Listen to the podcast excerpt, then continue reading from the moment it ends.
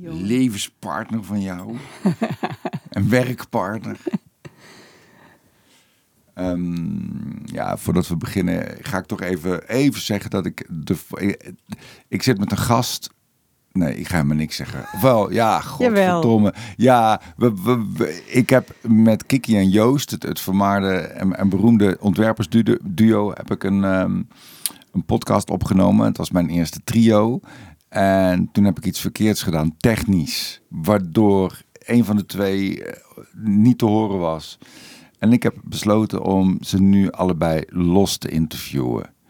Eh, dat leek mij het beste idee om, niet, eh, om het allemaal nog eens dunnetjes over te doen. Dus ik ga nu mijn eierwekker zetten. En dan zeg ik, lieve mensen, van harte welkom bij een nieuwe aflevering van Ervaring voor Beginners. Ik zit hier met Kiki van Eyck. Ze is geboren in Tegelen in 1978.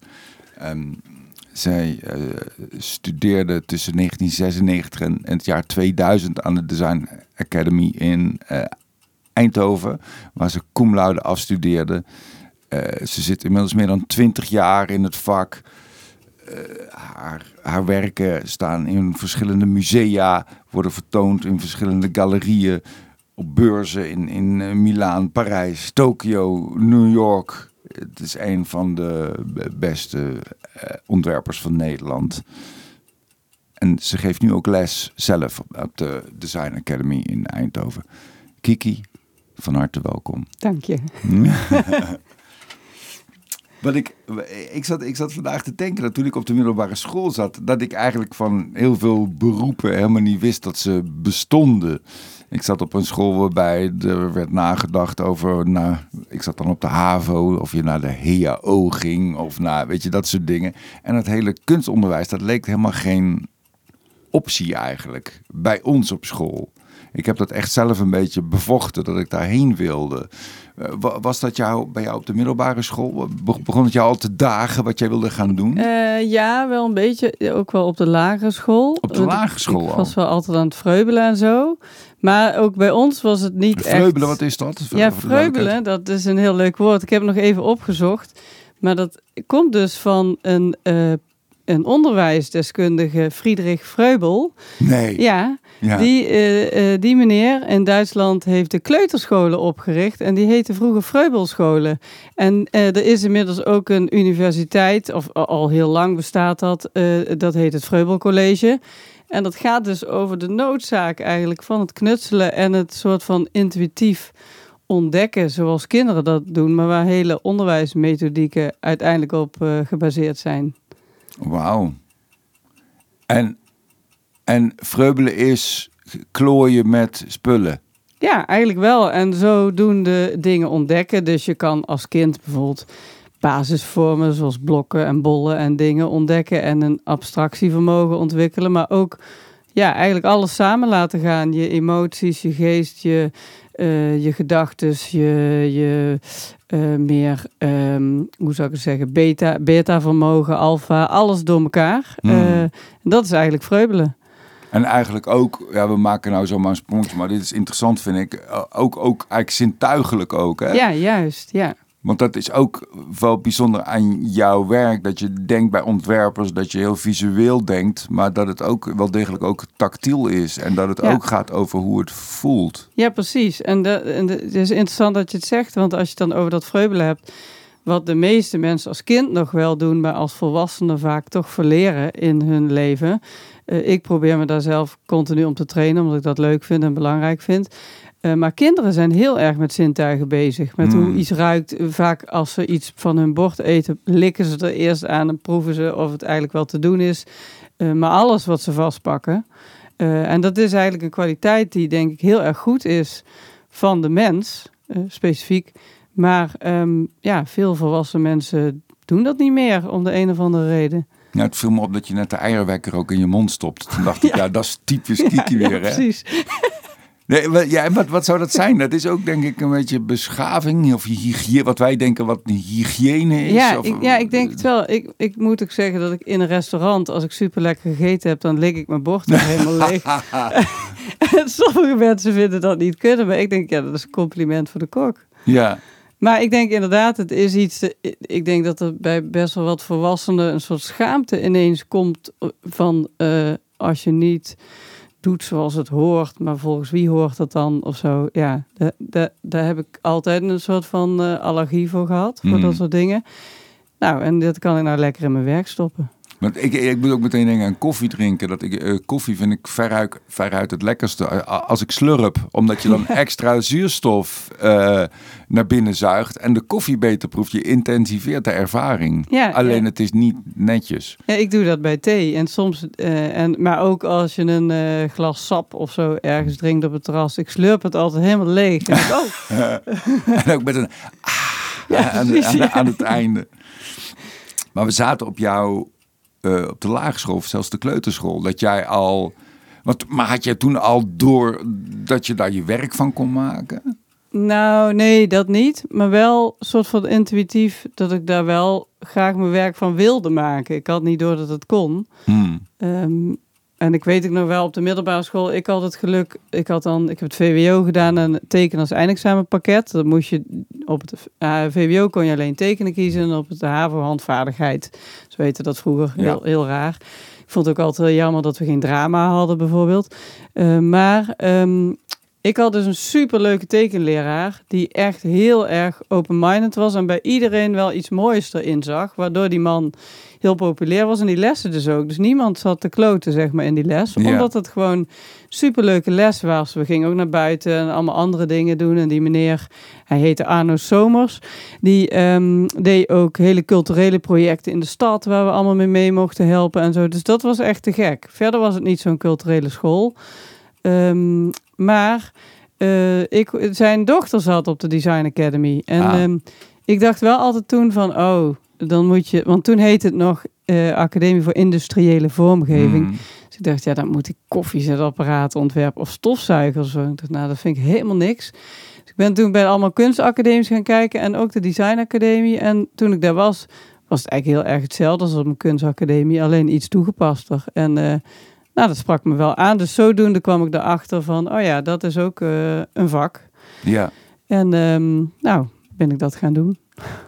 En um, um, ook weer mooi om te horen dat leraren heel belangrijk kunnen zijn en heel inspirerend kunnen zijn.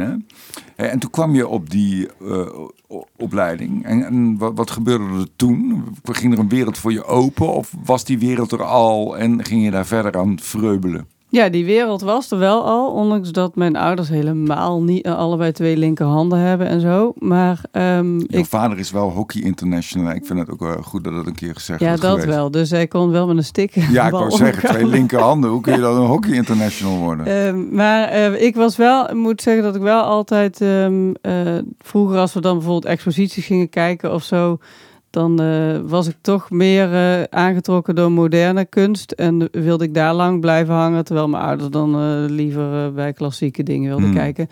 maar mijn ouders hadden ook wel een paar vrienden die in het kunstvak zaten. Dus dat stimuleerde dan ook. En waarom zei ik dit ook alweer? Maar ging het over, uh, over of die wereld al bestond oh, toen je op zijn opleiding, toen je op die opleiding ehm, kwam? Ja, nou uh, wat ik wel had toen ik van uh, de middelbare school afkwam, ondanks dat ik heel jong was, want ik was toen 17 toen ik aan de academie aangenomen werd, had ik het echt wel gehad met die middelbare school. Want eigenlijk was het onderwijs gewoon best wel saai in die hmm. tijd. En was, het, ja, was er niet zo heel veel aan, als ik het eerlijk mag zeggen. Ehm, dus ik was wel heel erg toe aan een volgende stap. En ook op kamers gaan en zo, ondanks dat ik jong was. Ehm, en ik had me voorgesteld dat als je dan op zo'n academie, kunstopleiding kwam, dat je het dan allemaal zelf moest doen. En dat het super abstract was en dat niemand je iets ging leren eigenlijk. Maar ehm, dat viel ergens een beetje tegen, want het eerste jaar was heel erg schools achteraf hartstikke goed, omdat je allemaal basisdingen leert. En wat, wat leer je dan bijvoorbeeld? Want ik weet van niks. Ja, eigenlijk de Bauhaus-principes. Dus je leert gewoon basisdingen over kleuren leer. Je leert alle kleuren van de wereld mengen, waar ik nog steeds heel veel aan heb nu. Want ik kan elke kleur mengen die ik in mijn hoofd heb, zonder dat ik erover na hoef te denken. Um, vlakverdeling, bijvoorbeeld uh, een A A2-vel uh, vol met punten zetten. En dan denk je, uh, hoezo punten zetten? Maar dat gaat dus over vlakverdeling. Als je bijvoorbeeld voorstelt voor de luisteraars die daar minder beeld bij hebben. Stel je hebt uh, drie cirkels die je op een vlak mag zetten. Nou, die kan je allemaal op dezelfde afstand van elkaar zetten in dezelfde grootte. Dan heb je een driehoek. Nou, dat is best saai. Maar je kan ook ze allemaal een andere grootte geven en allemaal net niet op dezelfde afstand van elkaar zetten, hmm. waardoor je een soort spanning in het vlak krijgt. En, en je zou ook nog met verschillende tinten of kleuren kunnen werken. Waardoor ineens die compositie interessant wordt. Ja. Dat gaat en, over... en wat is dan, want even in detail, want dat vind ik interessant, die, want dat hoor je vaker, die spanning. Wat is dan in godsnaam, ik weet wat spanning is in een spannende film, maar wat is spanning als, als, je, als je drie cirkels op, op, een, op een A4'tje hebt staan? Ja, nou als je dus, uh, als je dus een soort, het gaat ook echt over contrast hmm. creëren. En, uh, maar toch dat er een bepaald soort balans is. Als er te veel balans is, wordt het saai. Ja. Hetzelfde als dat je naar muziek uh, stuk luistert of naar een voorstelling, als het allemaal op hetzelfde ritme en tempo gaat uh, en er gebeurt niks verrassends, dan heb je het wel gezien. En dat is eigenlijk met die drie stippen ook zo. Ja. En, en als er helemaal geen samenhang is, dan is het chaotisch en dan is het willekeurig en daarom oninteressant, omdat je er geen chocola van kan maken. Ja, precies. Ja, ja goed uitgelegd. ja leuk. Uh, ja, je was eigenlijk, ik onderbrak je in een verhaal, maar misschien, uh, het ging eigenlijk over die basale dingen die jullie te leren kregen, oh, ja, uh, ja. die jullie leerden in dat, in dat eerste jaar. De, kleuren mengen, de vlakverdeling. anatomie, dus naaktschilderingen maken van naaktmodellen, maar ook van jezelf. Um, ja, nou zo, eigenlijk met platte vlakjes met vierkantjes, bouwwerkjes maken. Doordat je, het was heel streng hoor. Soort dus Duitse groenlichheid vanuit die bouwhuis. Mm. Een paar insneden maken in een kartonnetje en daar bouwwerkjes mee maken. En dan de hele dag door. Ik kreeg ook heel veel huiswerk. Um, en als het niet goed was, trapte die leraar dat volledig in elkaar. Echt letterlijk? Ja, ja echt waar je bij stond. Uh, dat kan tegenwoordig natuurlijk echt niet meer. Een soort uh, Louis van Gaal-achtige ja. woede. Ja, ja, heel raar achteraf ook. Wij hadden ook toen altijd het gevoel dat dat met voorbedachte raden was opgezet door de academie om je soort van weerbaar te maken hmm. tegen de echte wereld. En dat heeft deels ook wel dat effect gehad, maar deels is het natuurlijk helemaal niet oké okay, hoe dat ging. Nee. En um, in, dat, in dat eerste jaar leer je die basisprincipes. En ja, had jij toen al een idee waar je, waar je goed in was en waar je minder goed in was? Um, nee, niet erg. Want ik ging er best wel fluitend doorheen, eerlijk gezegd. Want ik Hmm. vond alles super uh, interessant en, en was heel leergierig. Um, maar ik had wel het idee dat ik wel iets vrijs moest kiezen. Dat ik daar wel het beste in was. Iets wat uh, mij veel vrijheid zou geven. Ja. Dus niet in opdrachten. Dus niet dat, dat tosti-ijzer. Uh, ja. Wat er al was. En dan met een ander hoekje. Maar iets autonooms echt. Ja. ja, terwijl nu zou ik het... Nu inmiddels, na twintig jaar, zou ik het wel een uitdaging vinden... om een tosti-apparaat te ontwerpen. Ja. Ja. En wanneer kwam dat wel? Dat je dacht van, oeh, maar dit, dit is... Uh, wanneer kwam dat meer? Toen je dacht van, oh, maar dit is wat ik wil. Of dit is mijn talent, dit is mijn stem. Nou, eigenlijk... Um, ja, dat groeit nog steeds Hmm. nu. Want het, dat is nooit uh, dat je dat zeker weet of klaar is. Maar wel, ik denk al wat meer richting mijn eindexamen. Wat, daar werd ook alles vrijer. Dan mocht je ook je eigen werk en opdrachten bepalen. Kreeg je niet meer een opdracht van een docent. Dus dat was al uh, heel fijn. En ik merkte dat ik daar goed bij gedijde. En, um, maar ik was wel, wat wel ingewikkeld was, voor mezelf toen, nu niet meer, is dat ik heel uh, breed in mijn werk was. Dus van Hmm. het ene ding, van een filmpje naar een een stuk textiel en, en, en naar iets heel conceptueels ging. Het ging alle kanten op, omdat ik heel breed geïnteresseerd was. Waardoor Ja. het lastiger was om een rode lijn in mijn werk Ja. te zien. En toen ik dus net was afgestudeerd, vond ik dat soms ook wel moeilijk. ehm, ja, om dat dan aan te geven, terwijl je dat misschien zelf niet hoeft te doen. Ik weet nog dat ik ooit bij een art director in Londen was, vlak na mijn eindexamen, dat ik mijn portfolio, mijn werk liet zien. En die zei van ja, of je bent schizofreen of je bent een genie. Toen dacht ik, oh, oeps, is dit een slecht teken? Ja. En daar kan je best onzeker van zijn in het begin. En nu gaandeweg heeft zich dat wel uitgekristalliseerd en, en werk ik nog steeds super breed.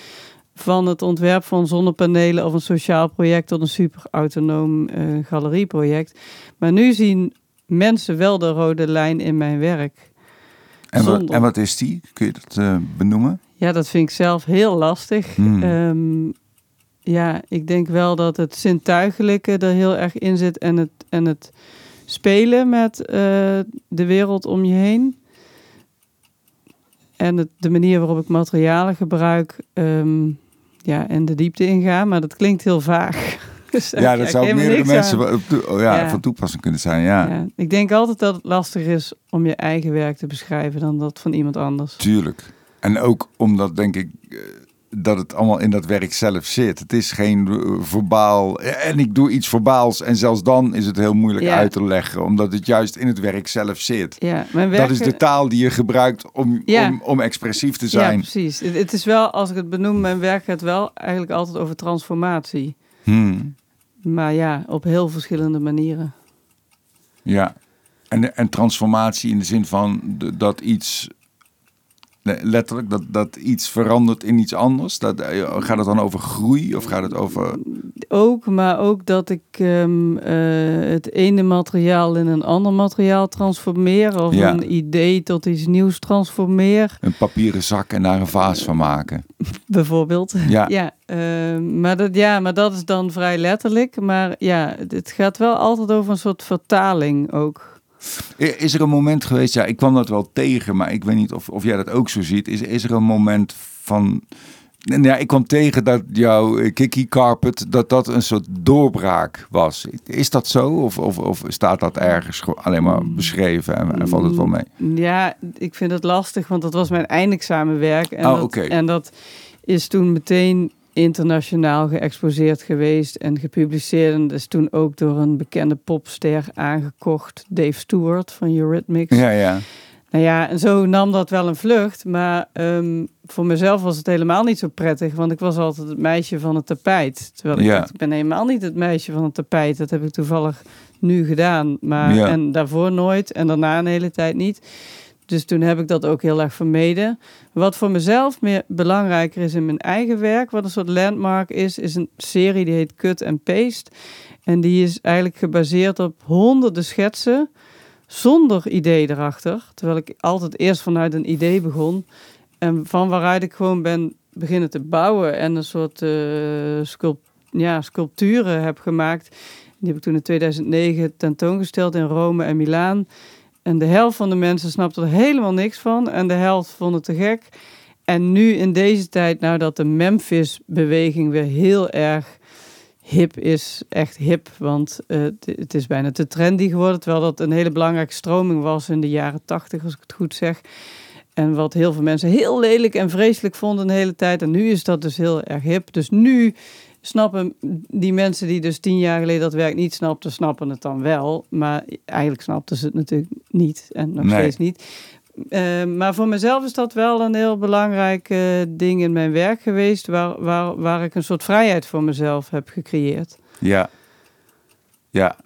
dat je bevrijd hebt van het conceptuele, of dat je van tevoren moet weten wat je gaat ja. doen. Ja, en, um, en uh, ja, wat heel veel ruimte in mijn hoofd heeft gegeven.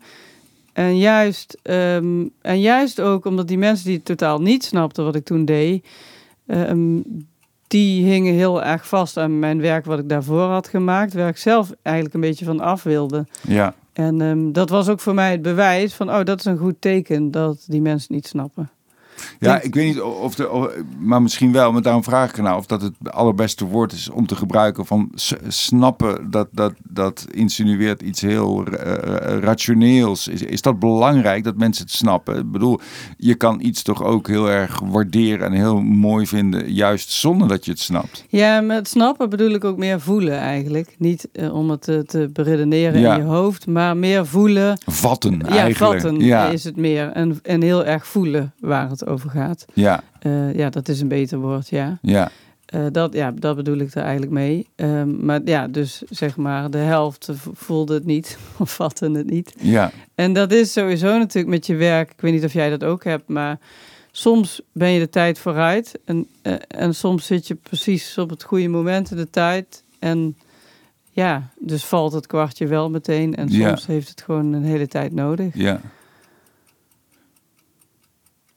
Um, intuïtie viel net. Uh, dat, dat is voor jou ook een kompas wel echt, hè? Ja, zeker. Ja. En wat is, laten we dan nog eens precies zijn om te proberen te definiëren van wat dat. Snap jij zelf wat het is, intuïtie? Ja, ik, ik, ik vat het. Ik kan het, ik kan het niet zo goed in woorden uitleggen, maar het, ja, voor mijzelf gaat het heel erg om je onderbuikgevoel. Of iets goed voelt of niet. En daar maak ik allemaal beslissingen op. Of het nou gaat bijvoorbeeld om mijn gezondheid. Als ik bij de dokter zit en die wil me medicijn voorschrijven en wil ik dat wel of niet. Of, um, of een zakelijke beslissing, maar ook in mijn creatieve proces. Alles, uh, mijn intuïtie leidt me altijd. Hmm. En dat komt natuurlijk wel soms bij een zakelijke beslissing is het soms wel handig om ook je verstand een beetje te gebruiken. Maar eigenlijk, ja, ik denk eigenlijk dat intuïtie juist de combinatie is van je gevoel en je verstand. Hmm. Dat, denk, dat denk ik ook, ja. En uh, precies. En, en ja, nog, om het nog ingewikkelder te maken, ik denk zoals dat die dingen soms ook niet helemaal van elkaar te onderscheiden zijn allemaal. Dat, ja. wel, wel in taal, maar daarom is dat ook beperkt en zo. Dat loopt allemaal ook een beetje in elkaar over. Ja. En ja, ik denk dat het heel goed is. Ja, ik denk dat het goed zou zijn voor de wereld als veel meer mensen hun intuïtie zouden durven volgen. Dat is ook misschien een beetje eng voor sommige mensen als dat niet zo gevoed is geweest. Kijk, op een, ik denk wel dat in het creatieve vak dat je intuïtie heel erg gevoed wordt. Niet voor jezelf. Nou ja, ik, ik, ik, weet het niet. Ik denk dat, nou ja, jij vertelde net zo heel mooi over, over jouw opleiding op de Design Academy. En dat je dat eerste jaar eigenlijk heel streng, heel veel basale dingen leert. Ja.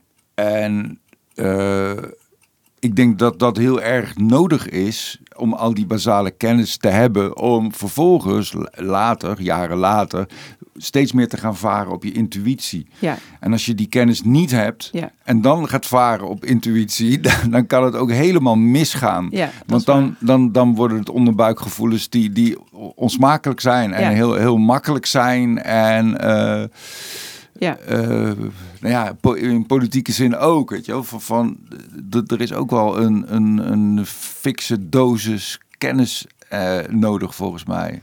Ja, dat is waar. Dat is zeker waar. Uh, zoals ja, een jazzmuzikant, als hij niet eerst alle techniek kan, dan kan hij eigenlijk ook niet volledig freaken. Nee. Uh, maar tegelijkertijd, ja, dat is wel meer in je vak dan. Ja. Uh, maar ja. in het leven heb je natuurlijk geen school om nou, er is wel leerplicht in Nederland. Ik weet niet of je dat hebt meegekregen. ik weet niet wat jij met je kinderen doet, maar er is wel leerplicht ook hier in Nederland. Nee, maar ik bedoel weer in het leven. Je, je doet natuurlijk levenservaring op. En zodoende kan je steeds meer op je intuïtie varen. Hmm. Maar er is geen school voor levenslessen. Nee. Of ja, nou, je hebt een school, school of life, heb ja. je. Maar uh, ja. nee, ik snap helemaal wat je bedoelt. En je hebt, je hebt uh, nee, dat, dat, dat klopt. Want als ik bijvoorbeeld bij de dokter zit en die wil mij een bepaald medicijn voorschrijven. Kijk, ik, eh, ik geloof echt in dat die mensen er veel meer voor geleerd hebben dan ik. En dat ik geen eigen dokter speel. Maar ik heb wel een dokter die, die wel soms vraagt van ben je het daarmee eens? Hmm. Wil je dat? Want je kan soms bijvoorbeeld ervoor kiezen, ik noem maar wat, om antibiotica te nemen of niet. Ja. Um, en dan ga je toch op je intuïtie af. En die dokter weet er eigenlijk veel meer van dan jij. Maar toch voel je wel aan je eigen lichaam soms of het, of het nodig is of ja. niet. Ja. Snap je wat ik bedoel? Zeker. Ja. ja. Um, ik zat er nog iets over te denken, maar dan ben ik nou even, dan ben ik nou even vergeten. Um, dat kwam ik ook tegen. Dat vond ik ook zo, zo interessant voor volgens mij heel veel makers. Is dat jij. Uh, nou ja, je hebt dat die intuïtie als kompas. Maar je hebt ook, en dat vond ik ook zo interessant, dat je ook eigenlijk uh, jezelf kan onderverdelen in verschillende personages eigenlijk, van Ja. waaruit je werkt. Ja. Eh, de poëet, de tuinder kwam ik tegen. Volgens mij had je er nog een paar. Kun je daar iets over vertellen? Want dat vind ik een hele interessante stijl van Ja. werken. Ja, ik, ik denk dat elk mens meerdere personages in zich heeft. Ik kan me niet voorstellen van niet. Maar goed, ehm, bij mij komen die misschien meer aan de oppervlakte. Of ben ik er meer bewust van. Ehm, dus ik zet eigenlijk die verschillende personages aan het werk. De, ik heb een voorliefde voor tuinieren, dus ik tuinier veel. Ik heb een eigen moestuin ook. Dus één van die personages is de tuinier. Hmm. En een andere is de poëet, de andere is de schilder. Nou ja, zo zijn er nog een aantal. En voor het ene project uh, is die tuinman handig om in te zetten. En voor het andere project misschien wel de moeder, het meer zorgende type. En, hmm. en voor het andere project juist de schilder of de beeldhouwer. Want elk project vraagt om een in, in ieder geval in mijn optiek, zoals ik te werk ga, vraagt elk project om een andere aanpak en methodiek. Ik heb niet één vast omlijnde methodiek hoe ik alles doe. Hmm. Wat, ehm, En wat doet dan een, wil word eens wat concreter. Waar, hoe pakt zo'n tuinder het dan aan, een, een opdracht? Ja, nou, ik heb eh, een keer uh, in 2010 bijvoorbeeld een project gedaan. Dat heette Menu 2010. En dat ging over de toekomst van uh, ons eten en het voedsel. En toen heb ik een, een kleine kas gebouwd, een kastje. een beetje zoals zo'n Amerikaanse barn in het klein. En toen ben ik op bezoek gegaan bij een zaadveredelingsbedrijf in Zuid-Limburg. Um, en ik heb uh, die, dat kastje uh, vol, uh, volgezet met vier soort van, van die ouderwetse ziekenhuisbedjes, maar dan in babyformaat. Ja. Op het formaat voor die plantjes die daar moesten groeien. En toen heb ik ook soort dekbedjes geweven bij het Textielmuseum, waar dan die vorm van die zaadjes in zaten. En een wandkleed gemaakt wat de chemische samenstelling van die plant van de moeder en de vader uh, verbeelden. En ik heb toen groeilampen van Philips daarboven gehangen. En, en dat heb ik met uh, dus die tentoonstelling laten zien en later in de Design Week. En dan had ik dus die zaadjes van dat zaadveredelingsbedrijf daarin gestopt. En binnen een week heb je gewoon al een krop sla. En ik had daar een gietertje bij. En, idee, en daar liep een zuster rond die dat dan ging bewateren elke dag.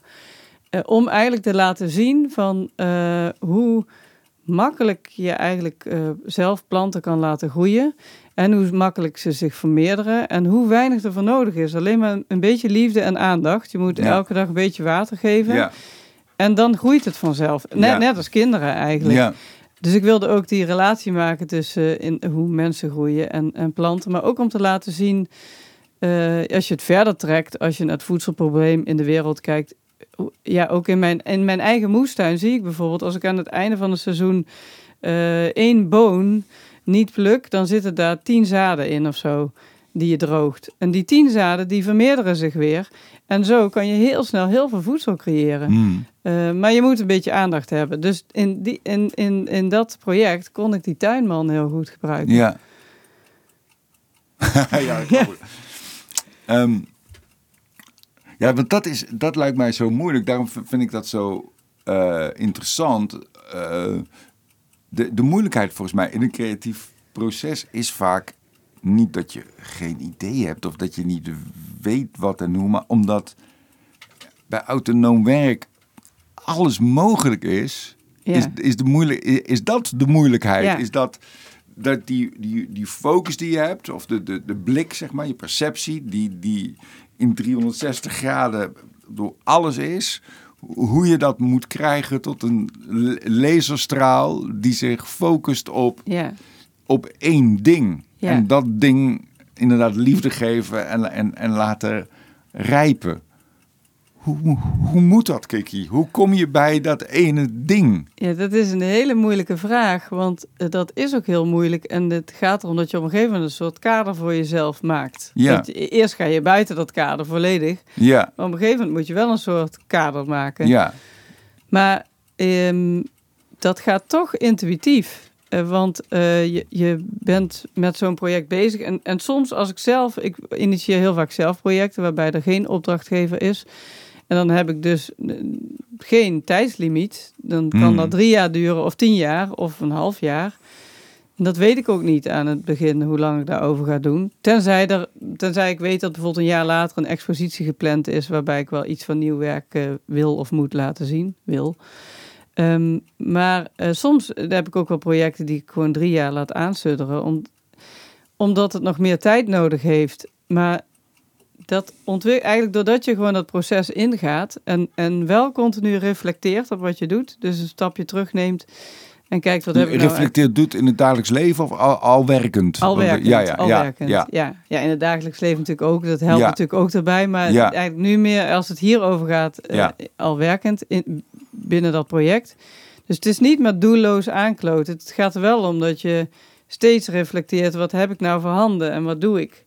En daardoor, door daar ja, kritisch naar te kijken en ook met wat mensen om je heen, in mijn geval soms Joost of soms mensen die bij mij in de studio werken, een blik erop te laten werpen, dan kan je vaak zelf ook makkelijker focussen. Ja, ik wil bijna nog naar, toch naar het moment daarvoor, voordat je iets gaat besproeien met water en, en, en liefde. Van, hoe werkt dat? Ik, ik heb soms dat ik, dat ik droom, dat, eh, ik heb vaak, als ik mijn dromen onthoud, dan denk ik soms van, oh ja, fuck, natuurlijk. Ik heb dat en dat gezien. Ja. En dat heeft eigenlijk indruk gemaakt. Maar ik heb daar geen aandacht aan besteed. En mijn onbewuste moet daar blijkbaar nog iets mee.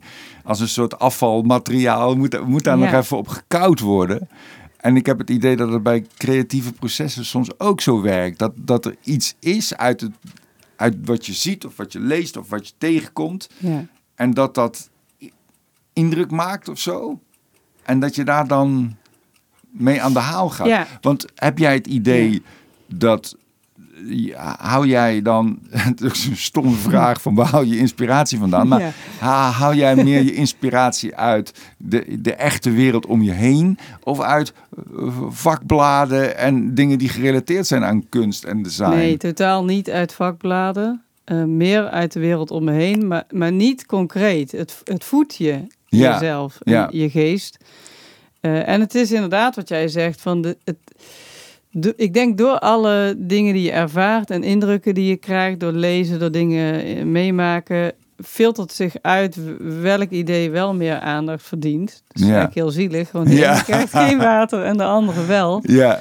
Dan moet ik wel zeggen dat ik laatst een droom had dat ik in een werkkamp van Poetin zat. ik weet niet wat dat betekent in dit geheel, maar ja, ik denk wel, inderdaad, in je dromen komen dingen naar boven die je of nog niet verwerkt hebt, of die, die, nog wat aandacht verdienen. Ehm, en al dat bij elkaar, inderdaad, dat maakt dat je dan die keuze kan maken, of dat je kan reflecteren. Als je, ja, als je daar ook iets mee doet met wat je ehm, om je heen ziet. Dus ja, ik denk wel dat het reflectiemoment echt super belangrijk is. Ja. Ik merk mezelf, bij mezelf merk ik vaak dat ik, omdat mijn, wat ik maak zijn zinnen eigenlijk, hè, voor mijn werk. Ik maak praatjes.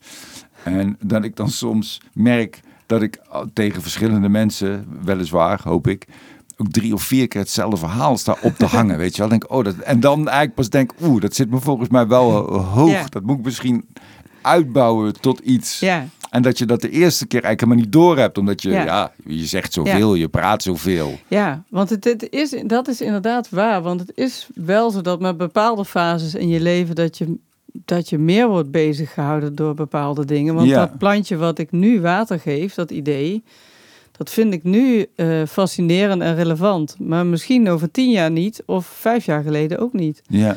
Dus het is ook wel, het, het, het, hangt natuurlijk ook allemaal samen met de toestand in de wereld en waar jij op dit moment zelf gevoelig voor bent. Dus het, dus het is wel belangrijk om, je, ik denk wel, om uh, je voelsprieten altijd uit te hebben staan. Ja, maar heb je daar een keuze in? Ben jij in staat om ze, om ze naar binnen te halen? Misschien niet. Nee, ja, soms zitten ze meer, soms, soms zitten ze meer naar of binnen. Of je niet. Ja. Ja.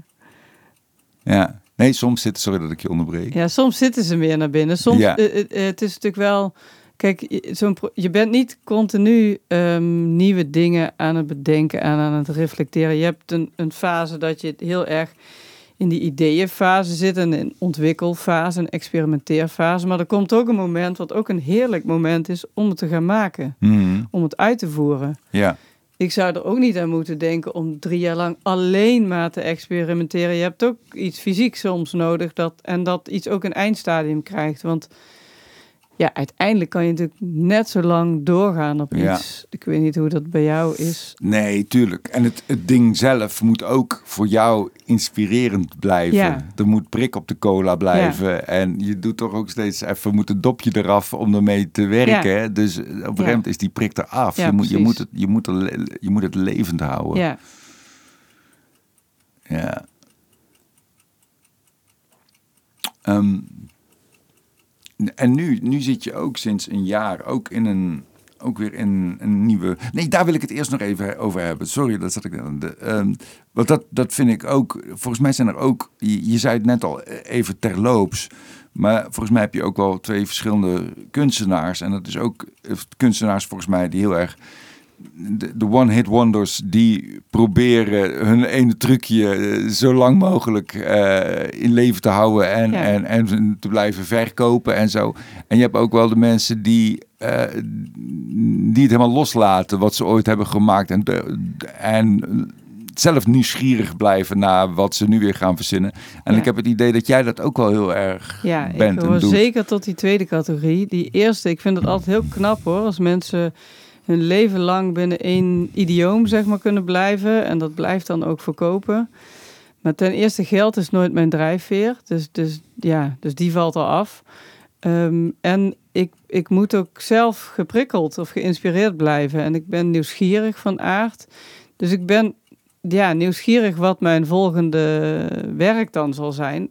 Het is niet de makkelijkste weg, want je, je moet altijd weer overnieuw beginnen. Hmm. En het is altijd een strijd of je daaruit komt.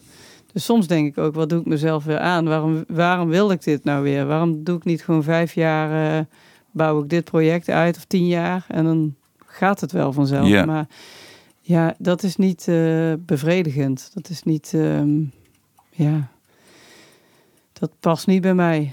Het schijnt de kunst te zijn dat, dat je om, om jezelf te inspireren. Is, is, de kunst is ook om de lat precies zo hoog te leggen dat het moeilijk is om eroverheen te springen, maar wel haalbaar. Ja. je, je, kan, je kan hem laag leggen en er lekker makkelijk overheen springen. Of zo hoog dat het alleen maar frustrerend is en dat het niet lukt. Dat is, dat, dat, dat is de, eh, de kunst ook. Ja, ik denk wel dat ik wel, ook wel zo iemand ben. Dat ik wel realistisch genoeg ben om te weten van ja, dit, dit kan nu niet of zo. Ehm, dat wil, dan ga ik geen uitdagingen uit de weg, maar wel dingen die gewoon echt niet, uh, niet realistisch zijn. Ik kan niet een voorbeeld noemen nu. ik zag ergens op een t-shirt staan: Creatives are the new athletes. Volgens mij is dat een merk of zo. Oh. En, maar ik snap ik snap het wel. Van, van, zo kun je dat zien. Dat, dat je ook een uh, sporter bent of een topsporter. Van, ik vroeg me eigenlijk af van, maar train je, train je dan ook? Is, bestaat er zoiets als training? Of is alles meteen een, een wedstrijd dan? Nee, ik zie het nooit als een wedstrijd. Ik zie het, nee, ik zie het eerder als een training. Want in, hmm. in een training, um, dat is eigenlijk ook daar heb je wel de meeste strijd. Omdat je altijd over een soort uh, drempel heen wil gaan om jezelf beter te maken. Uh, dat heb ik ook wel vanuit mijn opvoeding. Mijn vader was inderdaad topsporter. Dus, en ik heb zelf heel veel altijd gesport en nog steeds wel. Ik denk wel dat ik daardoor altijd in mijn hoofd een stapje verder kan gaan. Omdat ik altijd heb geleerd, als je denkt dat je niet meer verder kan, dan kan je altijd nog een stukje verder. Ja. Maar wel binnen ja, ook dat is, je, daar leg je de lat ook niet oneindig hoog. Maar stel, je hebt hard gelopen, je hebt een trainingskamp in de, in de, in de duinen gehad. En je denkt, ik kan nu echt niet meer. Dan kan je altijd nog wel tien minuten langer. Ja. En dat is wel een soort mindset die ik denk ik toch wel onbewust in mijn werk ook heb. Dat ik altijd denk, ja, maar ik ben er nog niet helemaal. Ik kan toch nog een stukje verder proberen. En is, ver, is verder dan altijd beter? Of is dat soms iets wat je moet onderzoeken en terugkomt bij dat punt en denk, oh nee, dat was toch het beste. Ja, ja, nee, precies. Nee, het is lang niet altijd beter. Maar het is wel in die zin wel beter, omdat je dan weet, oh, ik heb dit onderzocht. Dus ik weet wel dat dit de goede keus was. Anders weet je dat nooit zeker. Is het veel makkelijker op het moment dat je veel bevestiging hebt gehad, zoals jij en veel mooie opdrachten? Dat maakt het, ik kan me voorstellen dat dat wel veel relaxter maakt om dan en, en, dat het dan comfort, comfortabeler is om te zoeken en, te, en te klooien. Ja, dat is zeker waar. Ik bedoel, je doet het, eh, in principe doe je het niet voor die bevestiging. Want het zou een gekke drijfveer zijn. Maar, maar het maakt het zeker makkelijker. Wat het vooral makkelijker maakt, is dat... Want dat, als je in je midden in dat creatieve proces zit, tenminste, ik ervaar het nog steeds zo. Uh, en ik zie dat bij mijn studenten op de academie ook. En nog meer bij hun dan ben je, zit je altijd in een hele fragiele situatie. Want het is iets heel gevoeligs. Je eerste idee naar buiten brengen en dat ja, gaan testen. Ehm, dus dat is altijd aan het begin als je bijvoorbeeld een nieuwe expositie hebt van, oh ja, hoe gaan mensen erop reageren? Uh, niet dat ik me daar. Enerzijds maak je er niet druk om, maar van anderzijds, als er echt helemaal niks gebeurt, dan mm. is het ook zo'n dooddoener. En wat vooral heel fijn is, um, van dat je dus inmiddels meer bevestiging hebt en, en ook een goede band met veel opdrachtgevers hebt. Dat vooral, dat je. Ik heb het geluk dat ik vaak hele fijne opdrachtgevers heb, die heel prettig en respectvol zijn binnen mijn creatief proces, waardoor je je veel makkelijker bloot durft te geven. Hmm. Waardoor je uh, makkelijker je gevoelige kant en je kwetsbare kant durft te laten zien. En, uiteindelijk... en je matige ideeën of je zwakke ideeën delen. En dat doordat je het hardop uitspreekt meteen alweer beter wordt. Of dat je een, nieuw idee krijgt. Of dat je input krijgt van de ander. Ja, dat zelfs. Dat je een soort interactie en een dialoog krijgt. Waardoor je werk uiteindelijk altijd beter wordt. Het, het is natuurlijk nooit leuk. Ook als je een eerste voorstel bijvoorbeeld doet voor een opdrachtgever. En die heeft veel dingen die die vindt dat er veranderd moet worden of zo. Het is in eerste instantie misschien niet zo leuk, maar vaak als je er goed over nadenkt, denk je, ah ja, hij, heeft, die, hij of zij heeft daar wel gelijk in. Plus, de kunst is ook nog wel met dat soort dingen, als je voor opdrachtgevers werkt, om het niet persoonlijk te nemen. Hmm. In het begin, in de eerste jaren, zeg vijf jaren dat ik bezig was of tien, kon ik daar ook veel gevoeliger voor zijn. Dan kon ik dat veel persoonlijker aantrekken. En nu denk ik, ja, dat is ook maar een mening. En als ik denk, nou ja, ik deel die mening, dan pas ik dingen aan. Ja. Ja, als ik dat helemaal niet deel, ja, dan doe ik dat niet. Ja, precies. Eh, eh, in die eerste jaren is de vraag natuurlijk ook die bij iedere maker hangt van kan ik het? Ja.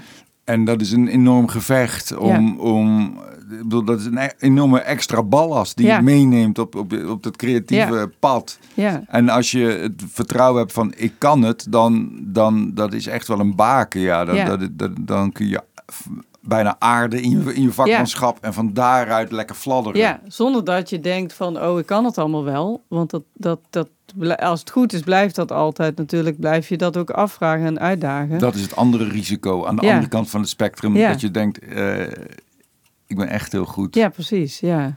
Maar um, het is eigenlijk heel oneerlijk, hè. Want als je net begint dan heb je die enorme onzekerheid in alles, in alle dingen. En dan heb je die ballast mee. En dan moet je het ook nog voor elkaar zien te spelen. Ja. Terwijl je zou willen dat je dat in ieder geval niet had. En dat je jezelf meteen in een goede flow kan onderdompelen.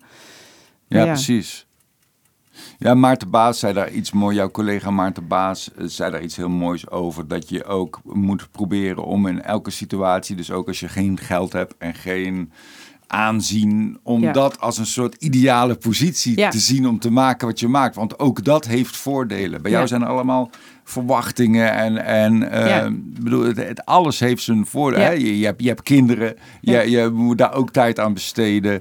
Uh, en als je, als je twintig bent en je hebt alle tijd van de wereld, elke, elke positie heeft ook zijn voordelen. Ja, dat vond ik ook een hele mooie. Dat vond ik ook uh, een van de mooiste leerdingen uit jouw podcast. Dat je inderdaad denkt, en dat heb ik ook nog tegen mijn studenten wel eens aangehaald, inderdaad, die quote van je kan altijd je voordeel doen met in welke positie dat je zit. Als je student bent, dan kan je heel vaak gratis materialen krijgen bij bedrijven. Hmm. En, uh, en in een paar jaar daarna ook nog, want dan denken ze altijd dat je nog op school zit. En uh, uh, ik heb denk ik nog tot vijf jaar geleden dat ze me vroegen in winkels, heb je een studentenkaart?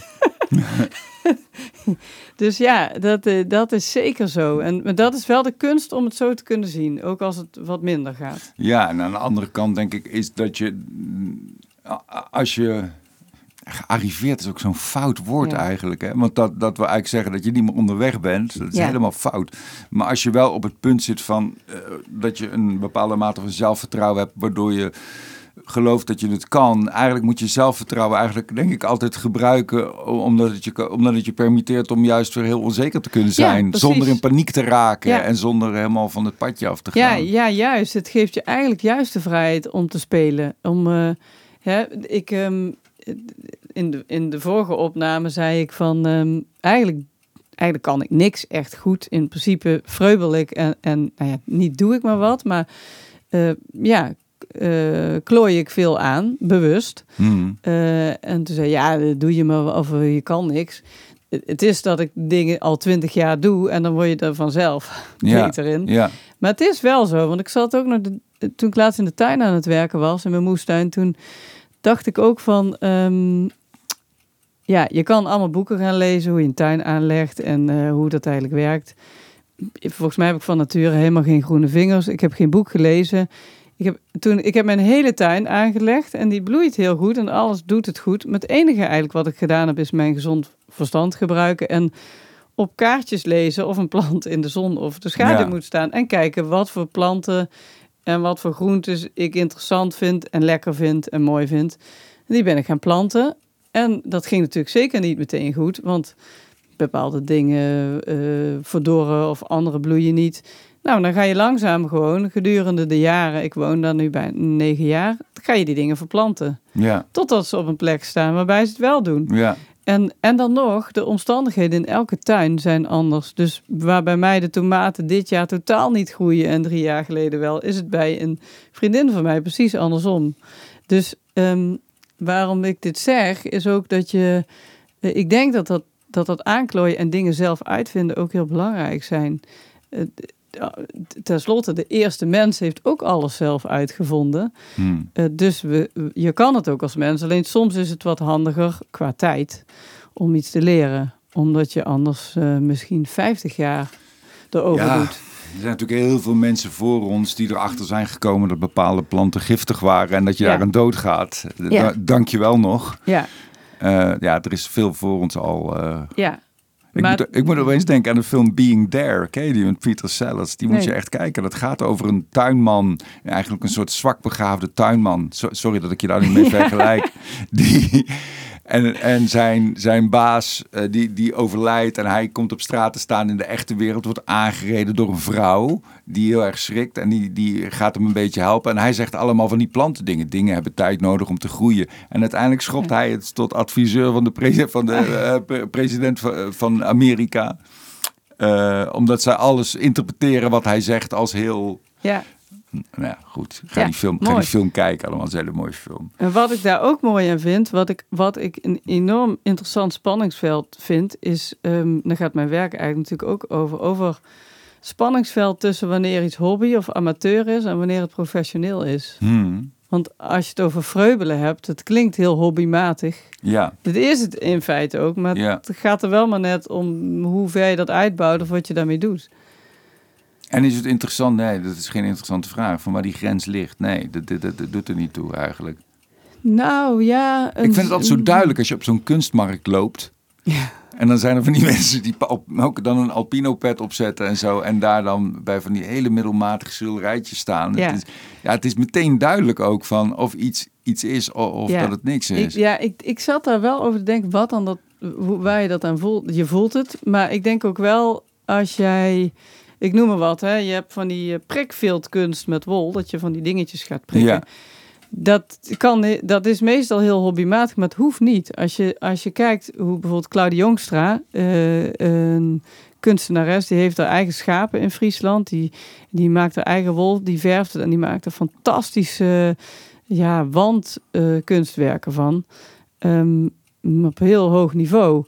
Maar ik denk op het moment dat je iets gaat transformeren, als je niet gewoon dat bij dat prikfilter houdt, maar als je het transformeert uh, en, en daarnaast als gewoon de, zeg maar, de, um, de Bauhaus, in dit geval Bauhaus-principes, maar wat, wat voor uh, principes dan ook, als de vlakverdeling klopt en de compositie en het contrast en al die dingen erbij, mm.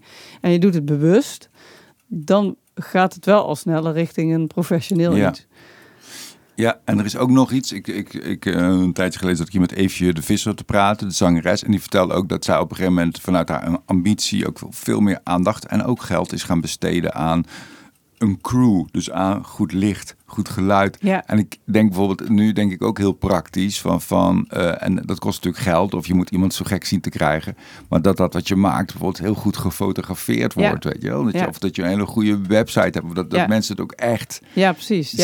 Dat je het zelf ook heel serieus neemt. Dan til je het ook meteen naar een hoger niveau. Ja, nee, absoluut. En ook op een gegeven moment, kijk, toen ik net afstudeerde, toen had ik natuurlijk geen geld. Maar toen begin ik al snel anti-kraak wonen. Dat is natuurlijk iets wat we in Nederland hebben, wat fantastisch is. Want dan heb je gewoon hele bedrijfspanden waar je in mm. kan wonen. Ehm, dus ik, ik had eh, weinig geld nodig. En ik dacht, nou, ik verdien iets meer dan als student. Dus dat is al te gek. Ehm, en ik was niet materialistisch ingesteld, dus dat helpt wel ook. Uh, en ik ben toen gewoon in een garage, uh, wat eigenlijk helemaal niet mocht, want je mocht niet werken waar je anti-kraak woonde, maar een garage opengemaakt en daar een werkplaats in begonnen. Nou, de houtlijm droogde niet in de winter en de verf niet. Maar ik had wel een plek om te werken. Ja. En toen heb ik elke keer, als ik gewoon iets van geld verdiende, heb ik dat geïnvesteerd in een machine. Dus dat begon gewoon met een schroefboor en op een gegeven moment een klein tafelcirkelzaagje. Uh, en dat is dan een soort upgrade, eh, precies waar jij het over hebt. Maar inmiddels hebben we gewoon echt een professionele tafelzaag. En, en een professionele metaalbewerkingsmachine en een professionele kleiwals. Dus hoe beter je materiaal wordt, hoe, hoe perfecter je wel iets uit kan voeren. Ja. Wil niet zeggen dat je dat niet kan doen zonder die machines, maar dan kost het wel veel meer moeite om op hetzelfde niveau te komen. Ja.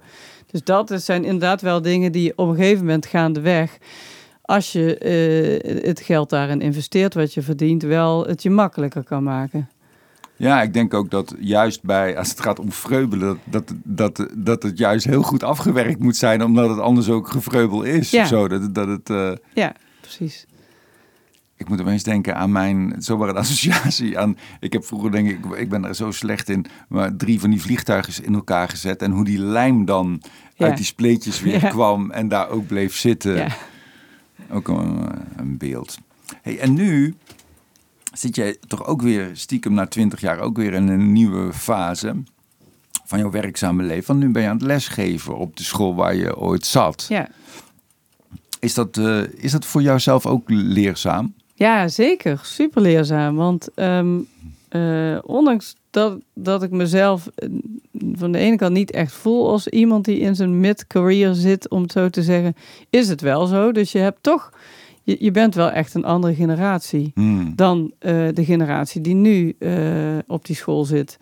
Dus dat is heel erg leerzaam om te zien wat hun bezighoudt in deze tijd. Maar ook uh, de dingen waar zij mee struggelen, die je bij jezelf herkent van nu, maar ook van vroeger. Hmm. van toen je daar zelf studeerde. Bijvoorbeeld? Nou, bijvoorbeeld dus um, dat moment waar we het net al over hadden van wanneer maak je die beslissingen en wanneer weet je dat iets goed genoeg is en wanneer kan je met iets stoppen of wanneer moet je nog door of wanneer moet je een stapje terugnemen en, en, en zie je wel wat je voor handen hebt, wat, wat voor moois je in je handen hebt, dat soort dingen bijvoorbeeld. Hmm. Um, en ook um, ja, het kwetsbare opstellen en dat het juist mooi en goed is om je kwetsbaar op te stellen. Want alleen dan kan je ook een dialoog krijgen en kom je een stapje verder. Ja, het is ingewikkeld als een leraar dan je werk kapot stamt. Ja. als je je kwetsbaar opstelt. Dat is heel ingewikkeld, ja. En, nou, en, en dat vond ik toen al niet oké. Okay. Mm.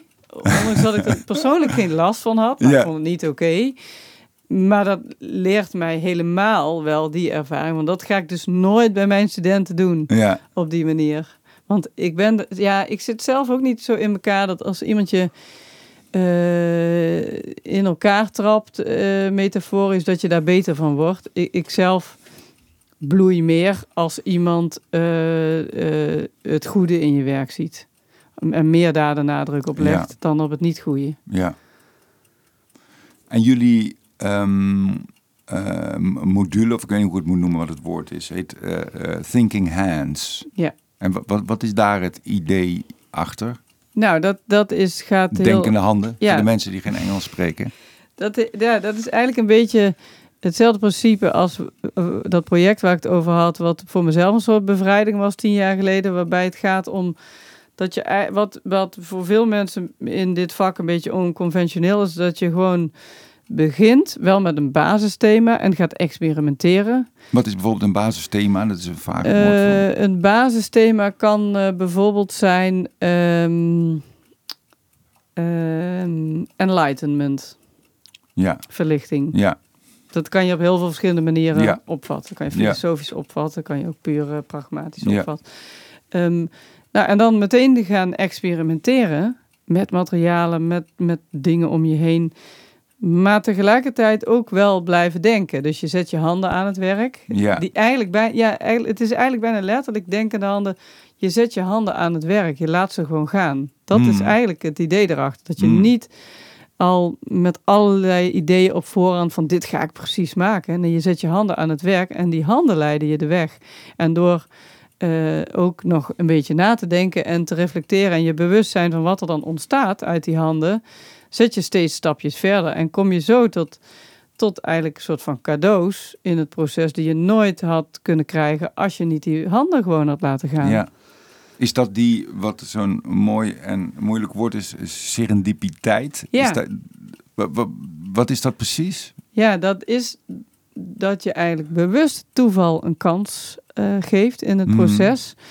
En um, dat je dus niet op voorhand al hebt uitgetekend en bepaald hebt wat het gaat worden. Maar dat dingen op, uh, ja, met een schijnbare toeval uh, ontstaan en bij elkaar komen. Um, zoals je in het leven ook uh, bij toeval dingen ontdekt, maar in dat proces ook. Dat, dat je dus ontdekkingen doet, maar die je wel erkent en waar je dus iets mee doet. En herkent, ja. Ja, en vervolgens maak je daar, in mijn eigen werk ontstaan er soms dingen, nou bijvoorbeeld met het glazuren van, van steengoed, waar ik allemaal experimenten mee doe, daar ontstaan door foutjes, ontstaan daar hele mooie uh, uh, dingen die, die ik niet bewust zo gedaan heb. Maar dan ga ik achteraf, denk ik wel, ah, maar hoe heb ik dit dan gemaakt? Hoe is dit foutje ontstaan, wat ik juist heel mooi vind? En dan ga ik het recept opschrijven en ga ik het opnieuw proberen om te kijken of ik het kan reproduceren. Um, en dat is evolutie, daar hebben we het eigenlijk over. Hè? De evolutie. ja. ja. Dat zijn ook allemaal foutjes in, in mutatie, eh, mutaties, in, in uh, kopieën van de vorige genen en de. Ja, maf. Ja, precies. Ja. Nou ja, daar gaat dat eigenlijk over. Ik vond het zo mooi op. Ik weet dat jullie leerlingen als beginopdracht eigenlijk kregen om hun eigen werkbank te maken. Ja. Vond ik zo'n mooie praktische uh, opdracht. Ik zei, ik zou me geen raad weten, maar goed, daarom ben ik ook niet in de nou, opleiding geweest. Ja, maar... heel praktisch. Maar we hadden wel een docent erbij die hun uh, ook hielp in de letterlijk technieken. Dus jij had het ook kunnen doen. Want we zeiden ook, voel, voel, geen drempel als je niet zo handig bent nog, want daar gaat het helemaal niet om.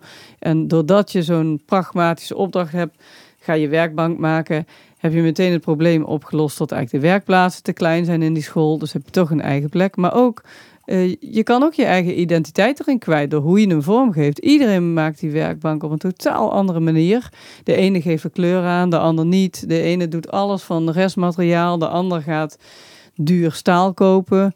Um, dus dat zegt ook wat over een persoon, hoe je omgaat en hoe, wat jouw mate van improvisatie is daarin.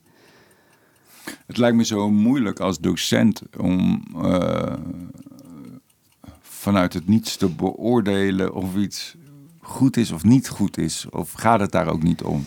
Ja, we beoordelen niet vanuit het niets. We hebben wel een aantal criteria opgesteld waar, en ook op schrift gezet waar, waarvan wij vinden dat ze aan moeten voldoen. Um, wat, dus, zijn, wat zijn die criteria dan? Nou, één criteria is bijvoorbeeld in welke mate een student tot een totaal ander eindresultaat is gekomen dan zijn beginidee. Hmm. Dat is bijvoorbeeld een ding van hoe houdt iemand standvastig vast aan zijn eerste idee? Of heeft iemand, en ook eh, heb je een heel proces doorlopen. Of heb je een schetsje gemaakt en ben je het gaan maken en het ziet er mooi uit en dat is het. Maar, maar dan heb je dus zelf ook niks onderzocht. Daar heb je eigenlijk zelf niks aan, want wat leer je daar dan van? Wat, wat mij vaak overkomt is dat ik heb wel eens een programma willen maken over oorlog.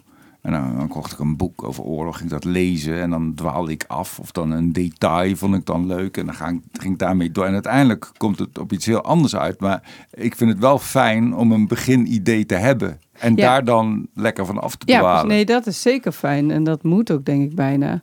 Ik vind ook altijd zo mooi, als je het over afdwalen hebt, zo mooi ding van... Ik weet niet of je het boek Alice in Wonderland hebt gelezen. Ja. Vind ik altijd een heel inspirerend boek. Is natuurlijk later ook verfilmd. Maar Lewis Carroll, de schrijver, is van oorsprong wiskundige. En die ging. Wat voor een. Wiskundige. Oh, wiskundige, ja. En die ging uh, op een middag met zijn dochtertje varen in een bootje. Maar het was zo'n lange boot toch dat ze zich verveelde. En toen is hij een, gewoon een verhaal gaan verzinnen. En dat is Alice in Wonderland. En dat is later een bestseller geworden. Ja.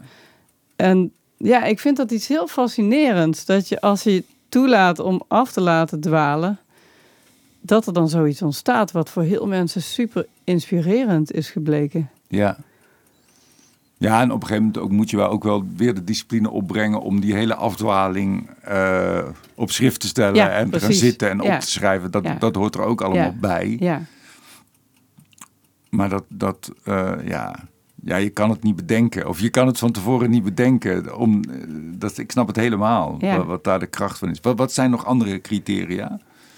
Um, nou, wel ook uh, een van de dingen, wel een van de zeven of de eh, esthetische uh, kwaliteit in orde is en of het, uh, en of het zichzelf communiceert. Of, of als je dat project ziet, of je dan bevat. Uh, of er niet hele boeken voor volgeschreven hoeven te worden en dat je het dan nog niet vat, zeg mm. maar. Um, Oeh, even denken. Ook weer een moeilijke grens, vind ik, van bij, bij, bij kunst en design, is dat je je, je hebt dingen die je meteen, dat je meteen ziet wat het is. Dan kan het iets heel banaals hebben. Maar het kan ook, uh, denk ja, uh, leuk voor jou, maar wat heb ik hiermee te maken? Dat het weer helemaal aan de andere kant van het spectrum zit. Maar bij, eh, bij ons studenten gaat het wel om hun persoonlijke ontwikkeling. Dus we, we beoordelen, een van de criteria is ook dat we hun proces beoordelen. Oh, dat was snel. Um, dus daar kan je wel. Um, uh, dus je, en we laten ze ook gewoon alle dingen op tafel leggen. Wat heb je gedaan deze afgelopen vijf maanden? En, en, en zijn dat uh, ja, voor jou logische stapjes geweest? En heb je ook stapjes gezet? Dus heb je jezelf ontwikkeld? Dat is eigenlijk ja. een van de belangrijkste dingen. Ja, is, het, is het mogelijk om in vier jaar om dat, om dat niet te doen, om je niet te ontwikkelen? Ja, ja, ja. Mm, er zijn er wel eens bij die zich minimaal ontwikkelen. Ja. ja. En is er iets wat jij uh, in die vier jaar niet hebt geleerd, waarvan jij nu denkt, ik wil of ik hoop dat ze dat wel leren? Um, ja, wat wij nu proberen te leren om niet eerst helemaal vanuit een concept en een, en een voorbedacht plan te beginnen, maar juist het om te keren. Ja. Dankjewel, Kiki. Dank je.